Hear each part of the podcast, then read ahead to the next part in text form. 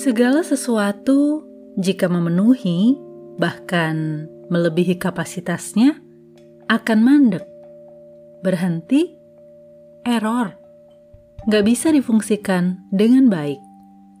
Perlu ruang, jeda, refresh, agar bisa bernapas lega dan bisa melakukan fungsinya seperti sedia kala.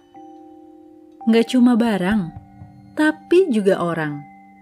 Itu sebabnya kita perlu istirahat sekitar 7 hingga 8 jam sehari dan 1 sampai 2 hari dalam seminggu. Jika memaksakan diri, nanti kita hanya yang merugi. Entah sakit, uring-uringan, atau nggak maksimal. Jangan lupa jeda